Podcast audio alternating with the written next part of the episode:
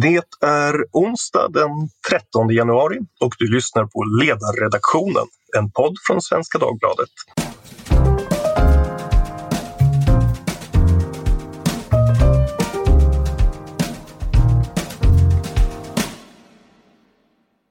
Jag heter Henrik Sundbom och idag ska vi prata om förmiddagens partiledardebatt.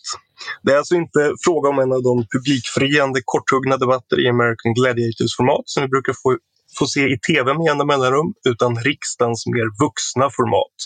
Tempot är lägre, tiden längre och möjligheten att avbryta varandra mindre. Årets första partiledardebatt skedde i en plenisal som var tom bortsett från debattörerna själva och coronapandemin gjorde sig onekligen påmind på mer än ett sätt.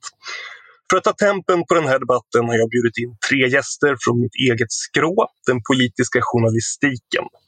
Från vänster till höger, Anders Lindberg, politisk chefredaktör på socialdemokratiska Aftonbladet, Joakim Broman, chefredaktör för Liberala nyhetsbyrån och Agnes Karnats, ledarskribent på Svenska nyhetsbyrån som levererar ledarmaterial till borgerliga och oberoende ledarsidor runt om i landet. Varmt välkomna till er alla tre. Tack, Tack så mycket. Och jag tänkte att vi börjar med en, en eh, snabb runda. Uh, vilka är de starkaste intryck som ni tar med er från den här debatten? Uh, Anders, vill du börja? Eh, jag, jag, tänker att det är väl två intryck som, som för mig är ganska tydliga. Det ena är ju att eh, den här borgfreden som rådde i våras är verkligen över i kubik. Det var ett ganska grälsjukt gäng som vi såg. Eh, det kändes inte som julfriden hade gjort någon större skillnad om man ska vara ärlig. Utan eh, på något sätt man tog vid där man släppte det i, eh, i december. Eh, och jag tror att jag är inte säker på att det där lirar riktigt med hur svenska folket är just nu. Jag tror de flesta sitter och är ganska rädda och ganska oroliga och hade egentligen velat se politiker som kanske var mer, mer överens och, och tog ett gemensamt ansvar tydligare. Eh, men det finns ju inte ett spår av det eh, i den här debatten. Det andra som jag tycker som jag tar med mig det är ju att eh, det finns ett uppenbart problem tycker jag med hur coronapandemin beskrivs. Alltså politikerna är inte överens om verklighetsbeskrivningen eh, om vad som händer. Och Det där tror jag också förvirrar människor ganska mycket.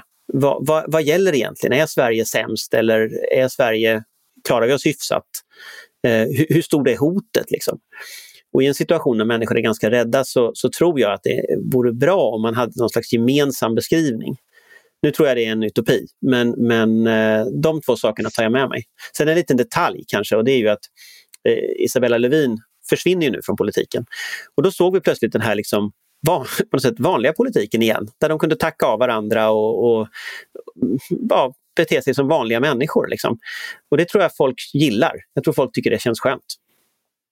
Det är ett ganska sympatiskt inslag i just de här eh, långa debatterna i riksdagen som man önskar att kanske fler kunde få, få se när Jimmy Åkesson ger eh, trädplanteringar i Östafrika till, till eh, eh Isabella Lövin. Fler borde sluta oftare kan man säga. Ja, precis. Det är väl också en lärdom. Ehm, de här alternativa verklighetsbeskrivningarna tror jag att vi kommer att få anledning att återkomma till senare. Men eh, Joakim, vad är det du framför allt tar med dig från debatten idag? Ja, men jag håller med om att temperaturen har gått upp, skruvats upp en del här. Det var en ganska så att säga, eh, frisk debatt, liksom. ganska eh, högt, hög temperatur helt enkelt. Och Eh, det som jag tycker man kunde se var väl att det, det kom en opinionsmätning i morse från eh, Aftonbladet eh, som har gjorts i, i samarbete med Demoskop och jag tycker att man kan se ganska mycket av den opinionsundersökningen i debatten. Det går att läsa in så att säga vad partierna befinner sig mentalt. Liksom. Eh, jag tycker att Socialdemokraterna är ganska pressade. De har gått ner mycket i den här senaste mätningen. Man har gått igenom flera skandaler, man har liksom den här Dan Eliasson hängandes över sig, även ministrarnas julhandlande och, och sådär. Liberalerna är också under hård press. Eh, gör en ny bottennotering i den här mätningen. Eh, och samtidigt så kan man se då att Vänsterpartiet, eh, liksom Nooshi är helt ny men fungerar ganska bra. Eh, liksom bekväm med ämnet, bekväm med sin position. Moderaterna eh, känner sig, liksom, verkar ha ganska stort självförtroende, fungerar också ganska bra tycker jag. Ehm, så, så liksom, och, och, det är också de som, som går bra i, i den här opinionsmätningen. Så det, det är det jag tycker liksom är det, det starkaste intrycket. Mm. Agnes, vad eh, är dina eh, medskick eller det som du, du bär med dig efter att ha lyssnat på detta hela förmiddagen? Ja, eh, mitt intryck är... Jag känner mig väldigt... Mm, det var väldigt sällan jag blev upprörd eller reagerade på saker och ting. Kanske ett tecken på att jag ändå tyckte att det var lite för lite uppskruvat eh, eh, klimat eh, under debatten. Däremot kan det också vara ett tecken på att de eh, pratade om ganska relevanta frågor, vilket inte alltid eh, är fallet i de här debatterna. Eh, jag tyckte att det var lagom mycket eller lite prat om eh, det som hände i USA eh, förra veckan. det behöver nämnas, men det tog inte över utan man pratade istället om ja, allra mest om pandemin i alla fall, som är det viktigaste. Ehm, det, ja, men det är nog min eh, sammanfattande kommentar kring den här debatten i alla fall. Mm. Lagom mycket USA. Det där är ju en spännande balansgång hela tiden. Hur mycket eh, andra länders politik ska få komma in i, i eh, den svenska och hur mycket jämförelser man kan göra. Ehm, vilket jag tror att alla vi som skriver på ledarsidor brottas med just nu. Hur översätter vi amerikanska förhållanden till, till svenska? Um, men det är nog en, en, eh, inte en utan ett par tre poddar eh, i sig självt tror jag att, att eh, gå till botten med den diskussionen. Ehm, det sker ju en del rokader på toppen i partierna och den här debatten var ju vänsterledaren Nooshi Dadgostars första. Eh, hur tycker ni att hon skötte sig och ger dagens framträdande någon hint om hur hennes vänsterparti kommer att skilja sig från Jonas Sjöstedts? Och då tänker jag att vi börjar med Anders igen på den här frågan eftersom du ändå nog är den som ligger närmast Nooshi och Vänsterpartiet av eh, oss fyra i alla fall. Ja, alltså jag tycker hon, hon har ju inte riktigt liksom, hon är en duktig debattör, hon kommer igenom rutan tycker jag. Så att hon har liksom en, hittat ett tonläge och en form som, eh, som jag tror fungerar ganska bra. Eh, jag tror vi kan se två saker som jag tror vi ska hålla ögonen på. Det ena är att hon inledde ju när hon pratade om vad Socialdemokraterna bör göra. Och det där var någonting som, som också Jonas Sjöstedt gjorde hela tiden konsekvent. Att han förhöll sig i första hand inte till den, den eh, borgerliga oppositionen utan han förhöll sig till Socialdemokraterna. Och syftet där är ju uttalat från Vänsterpartiet att de ska ta LO-väljare och de ska vinna över missnöjda vänstersocialdemokrater. Det där är någonting som jag tror att de kommer att lyckas med innan valet, men jag är inte lika säker på att de kommer att lyckas i valet. De trodde att de skulle gjort det i förra EU-valet och det var väldigt tydligt att de inte gjorde det. Och de trodde, eh, så att jag, jag, är inte så säker på att hon kommer att göra det. Däremot så är det så att hon eh, på något sätt försöker och vill representera det, det Sverige som finns i förorter och det Sverige som hamnar liksom utanför mycket av den politiska kartan. Hon höll sig ju mycket vid sina frågor. Och jag tror att Socialdemokraterna är ju en, en slags eh, koalition i dagsläget av eh, å ena sidan eh, traditionell arbetarklass, å andra sidan vit, eh, mycket medelklass i, i, i, eh, i storstäder, progressiv medelklass och invandrare som röstar på Socialdemokraterna. Och den koalitionen, de tre grupperna, det ser vi idag väldigt ofta eh, hos partier ute i Europa eh, vänsterpartier ute i Europa. Men vi ser också två problem med den koalitionen och det är att eh, den här traditionella arbetarklassen vinns över av högerextrema partier och de här invandrargrupperna som traditionellt röstar på Socialdemokraterna vinns över av vänstergrupper av olika slag. Det ser vi i många länder i Europa. Och jag tror att Nooshi Dadgostar har studerat det här ganska noggrant och jag tror inte hennes riktiga strategi är att vinna LO-väljare, utan den är just att plocka bort den här tredje komponenten, förortskomponenten i Socialdemokraternas koalition. Och det tror jag vi ser nu. Eh, det där tror jag är en strategi som eh, Socialdemokraterna inte riktigt vet hur de ska hantera. För då drar så att säga Vänsterpartiet ena benet, Sverigedemokraterna i andra benet. Och det tror jag är eh, det tror jag är någonting som Sjöstedt inte riktigt tog hem, men som jag tror att hon kommer att ta hem. Så jag tror att det här kan vara ganska farligt faktiskt för Socialdemokraterna. Det drar i koalitionen på ett sätt som de inte är beredda på riktigt och inte har hanterat. Mm. Eh, Joakim, du ville komma in där. Ja, alltså jag, jag håller i grunden med. Jag tycker som, som jag sa inledningsvis här att eh, Nooshi Dadgostar gjorde ett, liksom en bra insats idag. Speciellt med tanke på att det var hennes första, eh, första partiledardebatt i riksdagen. Eh, hon, hon fungerar bra men jag tror också att hon är dopad, om man får uttrycka det så, i någon mån av det faktum att Vänsterpartiet har en så väldigt bra sits i Ehm, i det här politiska landskapet som januariavtalet har skapat. Alltså det som Anders pratar om, eh, att, att Socialdemokraterna pressas från två håll, eh, är ju också i, i Sverige en konsekvens av att Eh, man har ingått januariavtalet och försökt hitta det här samarbetet i mitten och, och, det gör att, i sin tur att man inte kan röra sig ut mot vänster och söka liksom, eh, de, de här riktigt liksom, eh, de, den positionen och, och, det, det gör att Vänsterpartiet är i en väldigt bra sits. Dessutom så tror jag att det, det finns, en, det, det, finns lite konflikt idag mellan eh, Nooshi Dadgostar och, och Ebba Busch men överlag så, så liksom håller Moderaterna och KD igen lite nu mot Vänsterpartiet. Det finns ingen anledning att kritisera dem därför att man vill kunna göra gemensam sak med dem, bryta loss saker från budgeten och så vidare. Eh, och eh, där, det, det, tror jag gör att Nooshi Dadgostar inte ännu har fått sitt verkliga test. Det kommer att komma en tid då hon verkligen prövas och, och, och då får man se, liksom, när, när den här smekmånaden är över, så, så, får man se vad hon går för då. För att jag, jag tror att just nu så kommer hon ha ganska eh, smooth sailing eh, ett tag. Eh, Nooshi Dadgostar pratar ju väldigt mycket om äldrevården och äldreomsorgen i dagens debatt. Och eh, det har ju också ganska länge varit en profilfråga för Kristdemokraterna och Ebba Busch och även statsminister Stefan Löfven pratade mycket äldrevård. Eh, är det här en kommande stor eh, politisk stridsfråga efter, efter pandemin? Någonting som kommer att hänga sig kvar? Vad tror du Agnes?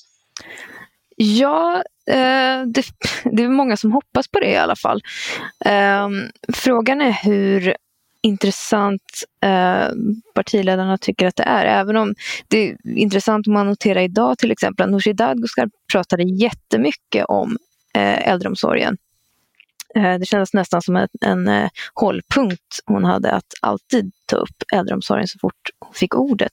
Ehm, men eh, Ebba Busch gjorde det betydligt mindre. Eh, så där, det är väl lite grann en, en, eh, ett sökande efter vem som har den frågan samtidigt som den ju är väldigt bred och eh, nu blivit extra aktuell med eh, i och med pandemin. Eh, så, så länge pandemin är aktuell så tror jag absolut att äldreomsorgen kommer vara en stor fråga. Frågan är om eh, äldreomsorgen överlever när pandemin så småningom eh, ebbar ut eh, och fortsätter att vara en stor fråga. Eh, det var ju en del intressanta replikskiften mellan inte minst eh, Ulf Kristersson och, eh, och Stefan Löfven om de privata aktörernas roll i äldrevården. Vad, vad tror ni kommer att hända där? Någon som känner sig manad att hugga på den? Nej, men jag tror att det där är ju en, en fråga som, eh, som kommer att vara stor. Alltså det finns två frågeställningar i Coronakommissionens rapport som jag tror att många kommer att vilja diskutera. Och det ena det handlar ju om personalfrågor i, eh, på äldrevården. Eh, timanställningar, att man inte har haft eh, ja, en arbetsmiljö som inte fungerar, eh, schemaläggning som inte fungerar, Ehm, en organisation som inte fungerar för de anställda, eh, som har skapat den här situationen att folk inte har råd att stanna hemma när de är sjuka därför att de inte har någon sjuklön, därför att de är timanställda och har bara sjuklön för det de hade kommit överens om med arbetsgivaren. Det tror jag är ett sådant område som kommer att bli en, en som måste reformeras. Och Det andra det tror jag är de här stora privatiseringarna, hur den här ganska oöverskådliga organisationen med väldigt många utförare plötsligt förväntades eh, agera som, som, som en organisation, en struktur med gemensamma regler, gemensamt smittskydd, gemensamt allting. Och hur det fullständigt havererade i, i mars och april i år. Eh, det där fungerade ju inte. Och, och, det är lite en spegelbild av hur hela den svenska krishanteringen ser ut. Att vi har en, ett myller av aktörer som fungerar väldigt bra eh, många gånger i en, en situation när det inte är kris.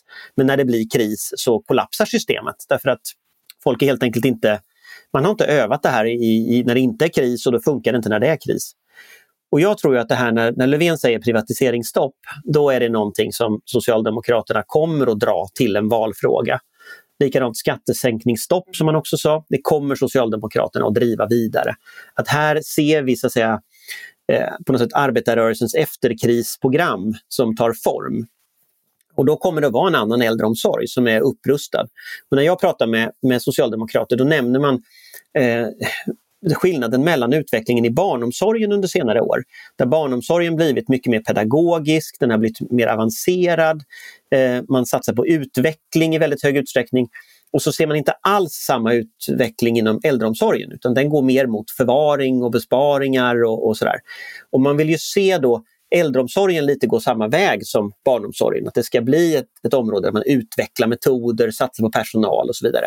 Ehm, och det ser man ju som ett mål. Så att man kan tänka att det är det som Löfven nu grundar för. Och det är det som liksom, tror jag kommer att prägla mycket av debatten. Sen tror jag att det där är en höger-vänster konflikt. Både när det gäller driftsformer, när det gäller skattesatser, när det gäller liksom, och det är en ganska traditionell höger-vänster konflikt. Så jag tror att det där kommer att vara en stor fråga i valet. Eh, oavsett vilket. Och det är också starka ekonomiska intressen ska jag säga som kommer att vilja att det inte diskuteras. Håller du med om den här bilden Joakim? Ja, men jag, jag tror att eh, det, det, är sant att Socialdemokraterna gärna har en sån här konflikt. Eh, men jag tror att då, då, måste man ha med sig två saker. För det första då, liksom, så måste man kunna visa att eh, privata äldreboenden till exempel har hanterat coronapandemin sämre än, än offentliga. Och det har jag hittills inte sett några tecken på att det finns några sådana belägg utan tvärtom så finns det tecken på att de privata har klarat det här bättre i många fall. Eh, och, och, säkert så har de klarat det ungefär lika bra i många andra fall. Men, men det, det andra som jag tror att man måste ha med sig då är att Eh, då är vi tillbaka liksom i förra mandatperioden och eh, Socialdemokraternas ambition om att införa ett vinstförbud i välfärden och Reepaluutredningen. Och, eh, man, man får komma ihåg, liksom, ja, okay, den där föll då på att det inte fanns majoritet i riksdagen eh, och sen så Ehm, eh, har, så, så har januari, januariavtalet kommit på plats. Så, eh, det där är ju egentligen ingenting som kommer att förändras även om det inte eh, förhållandena i riksdagen kommer att se exakt likadana ut för nästa val så, så kommer det ju helt enkelt inte finnas någon majoritet för att eh, driva igenom ett sånt här förbud. Och om eh, Stefan Löfven nu söker det här samarbetet i mitten, hur ska han kunna göra det genom att gå till val på att liksom förbjuda vinster i välfärden eller något, eller något liknande, stoppa privata äldreboenden eh, när han ska samar, samtidigt försöka samarbeta med Centerpartiet. Jag, jag tror att det blir, eh, det blir svårt och det är ytterligare ett exempel på den här rävsaxen som Socialdemokraterna har hamnat i med januariavtalet. Att man, man har helt enkelt inte liksom handlingsutrymme åt något håll. Man, man kan inte gå till vänster eh, för att Centerpartiet håller emot. Man kan inte bli stramare i migrationspolitiken för att Miljöpartiet håller emot. Eh, man kan inte, liksom, ja, även om man pratar om att skattesänkningar är dåliga så, så genomdriver man en massa skattesänkningar och så kan man inte längre ställa det mot, mot välfärdssatsningar. Så det, det är verkligen en, en position som hela tiden ställer till det för dem tycker jag. Jag ska släppa in Agnes här också. Ja, eh, jag tänkte bara lägga till, alltså, just i anslutning till pandemin så är ju den här frågan eller som så ofta när det handlar om det här, att alla är överens om att det är ett problem, men det handlar ju hela tiden om vad problemet beror på och vad som ska ändras. Eh, här bidrog ju Coronakommissionen med faktorn, alltså eh, smittspridningen i samhället som orsaken till problemen, eh, eller den stora spridningen på äldreboendena istället snarare än brister på äldreboendena i sig, även om de också var en stor del av eh, deras slutsatser. Eh, ytterligare en sak tror jag är att eh, man kan titta på hur eh, vilken erfarenhet har människor generellt av eh, äldreboendena? För det är en, en, en sån fråga som berör många i deras vardag. Eh, I och med att allt fler får antingen själva eller via anhöriga kontakt med eh, även privata äldreboenden så bör man nog även, alltså har inte politikerna eller en, en liten del eh, ensamrätt på den eh, beskrivningen av vad det här är för fenomen. Fast, fast, jag, tror att, jag tror inte det handlar egentligen om vinstförbud. Eh, jag tror den frågan är lite, den har lite passerat så att säga. Utan jag tror det handlar om, om hur välfärden ska vara organiserad. Och eh, då, då tror jag att, för det är ju inte så att barnomsorgen till exempel som av många socialdemokrater lyfts fram som en utveckling, att, att den så att säga skulle vara var bara offentlig och så. Eh, men däremot så tror jag det handlar om att man ska ställa krav och att de här privata aktörerna kommer nog att få finna sig i en, en mycket, mycket mer av en statlig styrning. Eh, och mycket mer av, av, av, krav på att, att till exempel en sån sak som medicinsk kompetens.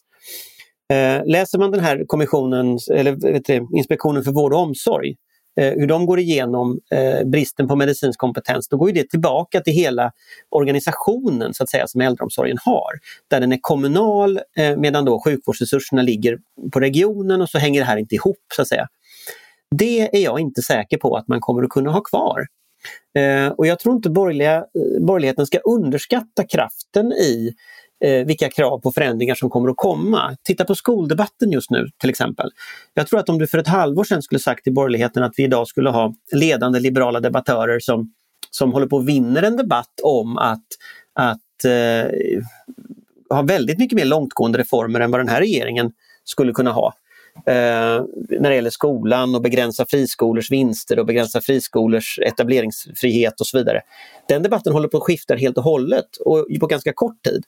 Jag tror inte det är någonting mot kraften som vi kommer att se när vi har vaccinerats och vi kan så att säga vara trygga med att, eh, att pandemin är på väg mot sitt slut. Den enorma uppdämda våg av politiska reformförslag som kommer att komma, den tror inte jag man ska underskatta. Eh, vi stannar kvar där tänker jag lite vid, vid skolan därför att det var en av, av, mina egna reflektioner efter den här debatten att jag, jag förvånades över att eh, skolan inte tog mer plats i partiledardebatten givet hur eh, het den har varit på ledar och debattsidor och sociala medier och andra forum eh, det senaste halvåret eller så. Um, vad säger Joakim som ju ändå kommer från ett politiskt läger som brukar ha, ha eh, skolan väldigt högt upp på agendan. Uh, vad händer med skoldebatten? Ja, men, eh, varför den inte var med idag? Eller jag, jag, jag tror liksom svaret på det är helt enkelt att eh, coronan eh, trumfar det mesta och sen så kommer liksom gängbrottsligheten och, och eh, liksom vissa av de här nischfrågorna i vägen. Så, så eh, det, det, fanns ingen som hade intresse av att eh, liksom, eh, bryta igenom det riktigt. Men det man kan säga om skoldebatten tror jag är att det, eh, det, det har varit en, liksom ett hårt tryck på förändring i, inom den här och det, det har skett liksom en, en förflyttning, det tycker jag också. Men det som har skett är liksom eh, mer, tycker jag, att eh, man pressar, eh, eh liksom, man, man, försöker att, att liksom hitta en form där man kan komma överens om hur stärker vi den här likvärdigheten utan att begränsa koncernernas vinster utan att liksom, i grunden rucka på, fri, på valfriheten, det fria skolvalet. Eh, och det är liksom det som, det, ska man säga, det konsensus som den här debatten försöker sträva åt. Sen finns det ju såklart radikalare eh, debattörer och, och de som försöker driva på det här ännu mer. Men men i det politiska systemet så upplever jag att det, det är det man söker nu och det är liksom de eftergifterna som, som liberala krafter har gjort, som eh, Liberalerna som parti har gjort. Eh, och, och då tror jag också att då, där någonstans så, så Eh, stannar debatten av lite grann. Därför att när man väl har erkänt att okej, okay, vi har problem med likvärdigheten, vi har problem med betygsinflation, vi har problem med eh, alla, liksom, alla möjliga aspekter av likvärdighet och ojämlikhet i det här skolsystemet. Eh, och, och, nu behöver vi liksom eh, åtgärda det fast utan att rucka på det fria skolvalet. Eh, då tror jag inte att det finns så mycket mer eh, att liksom, eh, det, det, är svårt att föra debatten på samma eh, nivå. Eh, utan då, då, blir det, då kommer den bli mer sakorienterad, mer lågmäld eh, och kanske försvinna undan lite grann från den breda politiska debatten. Vi uppehåller oss en stund vid Liberalerna också, tänker jag, när vi nu kommer in på dem på det här viset. För de kämpar ju med rekordlåga opinionssiffror Eh, och I dagens debatt företräds de av Johan Persson eftersom partiledaren Nyamko Sabuni saknar riksdagsplats och alltså inte kan vara med i de här eh, partiledardebatterna i riksdagen. Och Persson han antydde vid ett par tillfällen att Sverige behöver en annan regering, något som kan tolkas som ett steg bort från januariöverenskommelsen. Inte allt för eh, vilda fantasier som krävs för att, att höra honom på det viset. Um, hur tror ni att Liberalerna kommer att hantera den här opinionskrisen som ju verkligen är en kris? Eh, och hur det kommer att slå över på eh, regeringsfrågan. Eh, Agnes, vill du hugga på den? Det kan jag göra. Ja, alltså, det är ju, jag vet inte hur länge nu man har ställt sig den där frågan om Liberalerna. Um, det börjar ju bli väldigt tjatigt att säga att uh, det måste komma ett besked eller uh, begära ett datum för när det ska komma ett, ett besked. Um, man har också ställt sig frågan väldigt många gånger, vad, precis som du gjorde nu, vad ska de göra uh, för att avvärja det här? Ehm, det är väl egentligen, alltså ska de hitta på någonting nytt eller ska de göra samma sak som parti, antingen Liberalerna själva eller eh, andra partier har gjort tidigare, försöka sticka ut på något sätt. Än så länge verkar ju inte det vara eh, taktiken. Eh, samma sak nu i debatten så var det ganska lågmält från eh, Johan Persson. Eh, förutom det han sa kring eh, regeringsfrågan.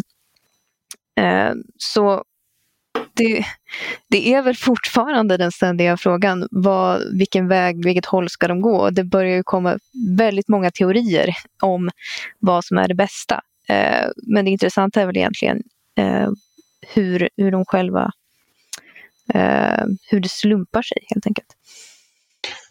Hur slumpar det sig Joakim?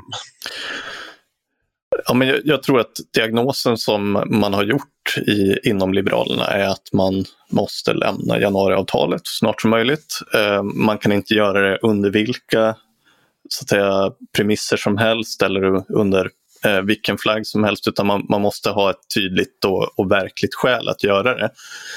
Och, och, nu så i morse så gick man ut med en, en, i en artikel i Expressen där man sa att eh, den här eh, Eh, migrationsförslaget som, social, som regeringen lämnade, över på, lämnade ut på remiss i december, det måste de dra tillbaka. Så nu försöker man använda migrationsfrågan som ett liksom, tillhygge för att kunna lämna januariavtalet. Och, eh, nu, nu, jag uppfattade det också så helt enkelt att man, nu säger man rakt ut att man kommer att lämna när pandemin är över. Eh, det, det är i princip det som man som Johan Persson sa idag. Det, det tyckte jag ändå var ytterligare ett...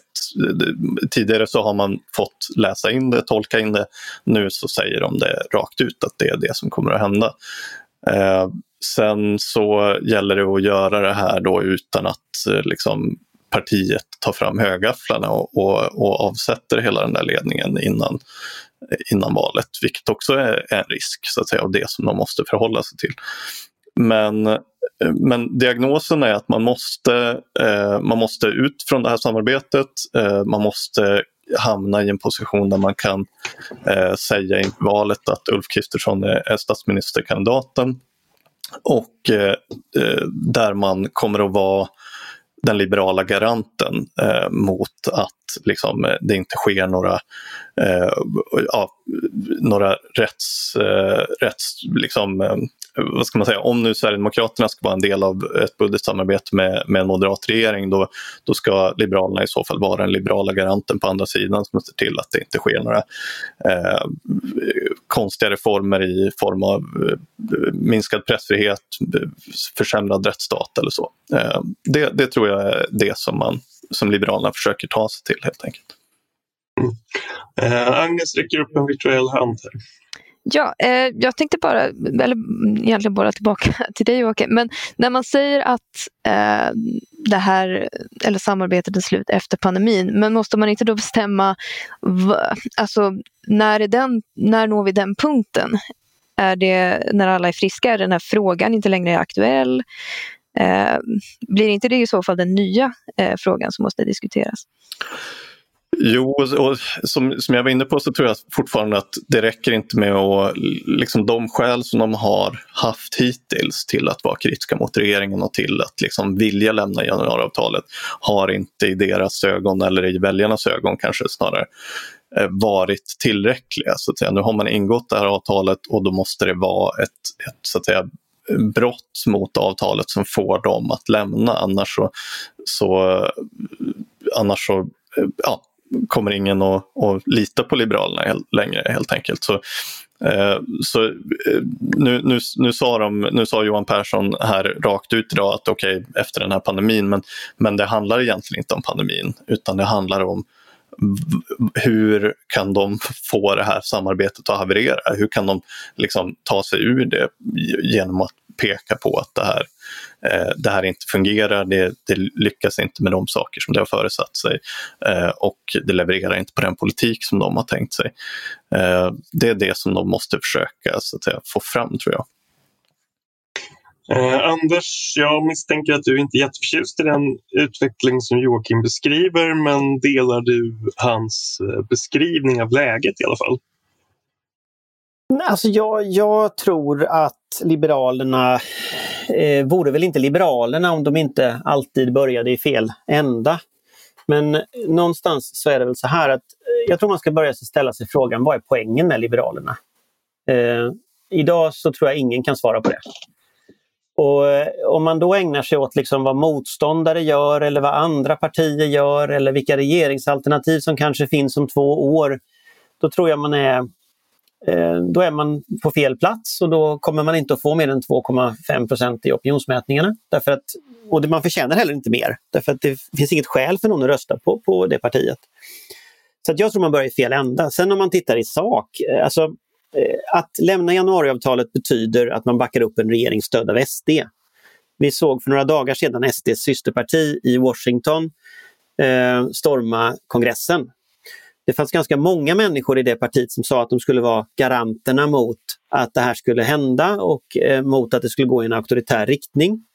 Och de förlorade allihopa. Jag tror det var John F Kennedy som sa någon gång att den som, den som sätter, försöker rida på tigen kommer att sluta i dess mage. Och, och någonstans där tror jag liksom det strategiska problemet är för Liberalerna om man tror att man med öppna ögon går in i ett samarbete på något sätt med SD och hur man nu motiverar det vet jag inte. Men det man kommer att hamna i, det är att SD kommer, precis som Trump har gjort, att äta liksom den här kakan bit för bit för bit för bit och till slut finns ingenting kvar. Eh, och i det läget har man förlorat. Och jag skulle tro, om jag får gissa, nu vill inte Liberalerna ha mina råd, men om jag skulle gissa vad Liberalerna skulle göra så är det att de skulle återta skolfrågan igen. Eh, det var inte många år sedan Liberalerna var skolpartiet i Sverige. Det är väldigt många som kan tänka sig rösta på ett skolparti. Eh, och så skulle de prata om sin egen politik istället och varför människor skulle rösta på den. Eh, och varför människor skulle stödja en liberal utveckling av skolan. Och jag tycker att det finns mycket i de liberala, i, i socialliberala idéer när det gäller eh, utveckling i skolan. Eh, den är i stort behov av reformer. De här idéerna om att förstatliga skolan, jag, jag tycker inte så själv, men det är klart att det har ju växt i styrka. Eh, tydlighet med studiero och sådana saker har växt i styrka. Behovet av att hålla samman skolan, som ju ändå Liberalerna historiskt sett har stått för, eh, har ökat jättemycket. Så det finns ett utrymme här i politiken där ingen riktigt idag äger den frågan. Eh, och sen så tror jag Liberalerna vid någon tidpunkt måste sluta bråka så fruktansvärt mycket med varandra. De här utspelen att det är sju liberaler som tycker en sak och sen är det åtta liberaler som tycker motsatsen. Idag så går Stockholms starke man Jan Jönsson ut och kräver besked om SD. Eh, det är ju för att ett antal andra liberaler ute i landet har krävt att man ska samarbeta med Kristersson. Alltså på något sätt så måste man sluta bråka så mycket med varandra. Eh, sen tror jag att det är Liberalernas natur, så jag tror inte det, det går nog inte. Men eh, så hade jag nog gjort. Men jag tror att det är en uppenbar risk att de åker ut eh, om de fortsätter som de gör nu under den här partiledningen. Eh, det tror jag. Och det blir nog inte bättre av idag, det tror jag inte. För det var, det, de sa ju liksom ingenting av en slump så är det ju alltid så att den socialdemokratiska analysen är att det går väldigt, väldigt snett med samhället om inte Socialdemokraterna får regera. Och jag tror att det, det, någonstans, eh, det finns ju en position för Liberalerna att ta eh, i relation till Moderaterna exempelvis. Eh, om man eh, tittar på hur hur det förhöll sig i den förra alliansregeringen till exempel. Så, så i, när den tillträdde 2006 så hade man liksom, det var Liberalerna eller Folkpartiet på den tiden då, eh, man såg sig som liksom det socialliberala samvetet eh, i, i liksom relation till eh, sjukförsäkringen, reform, reformen av sjukförsäkringen och a-kassan. Eh, Bankerydsuppgörelsen där liksom kring a-kassan var, var Eh, en viktig seger för Folkpartiet. Samtidigt så har man kunnat vara ett nischparti som tillvaratar de välutbildades intressen. Eh, att man kunnat säga så här, värnskatten måste bort, marginalskatten måste ner. Eh, det kan inte alltid ett brett parti som Moderaterna stå för. utan under alliansregeringen så var det liksom de här skattesänkningarna för breda lager, jobbskatteavdrag. Medan Liberalerna liksom faktiskt har varit i, i perioder en, en nisch som kan liksom försvara eh, politik som, som inte liksom går att försvara i de här stora breda partierna. Eh, jag, jag, tror att det finns en, en nisch till höger för, för Liberalerna. Framförallt så, så finns det liksom en, eh, en väljar eh, en väljarskara som gärna ser ett liberalt parti på, till höger än blockgränsen som, som kan vara Moderaternas samvete, Moderaternas principiella, så att säga, eh, det, det som man kan rösta på ifall man inte är nöjd med den moderata utvecklingen.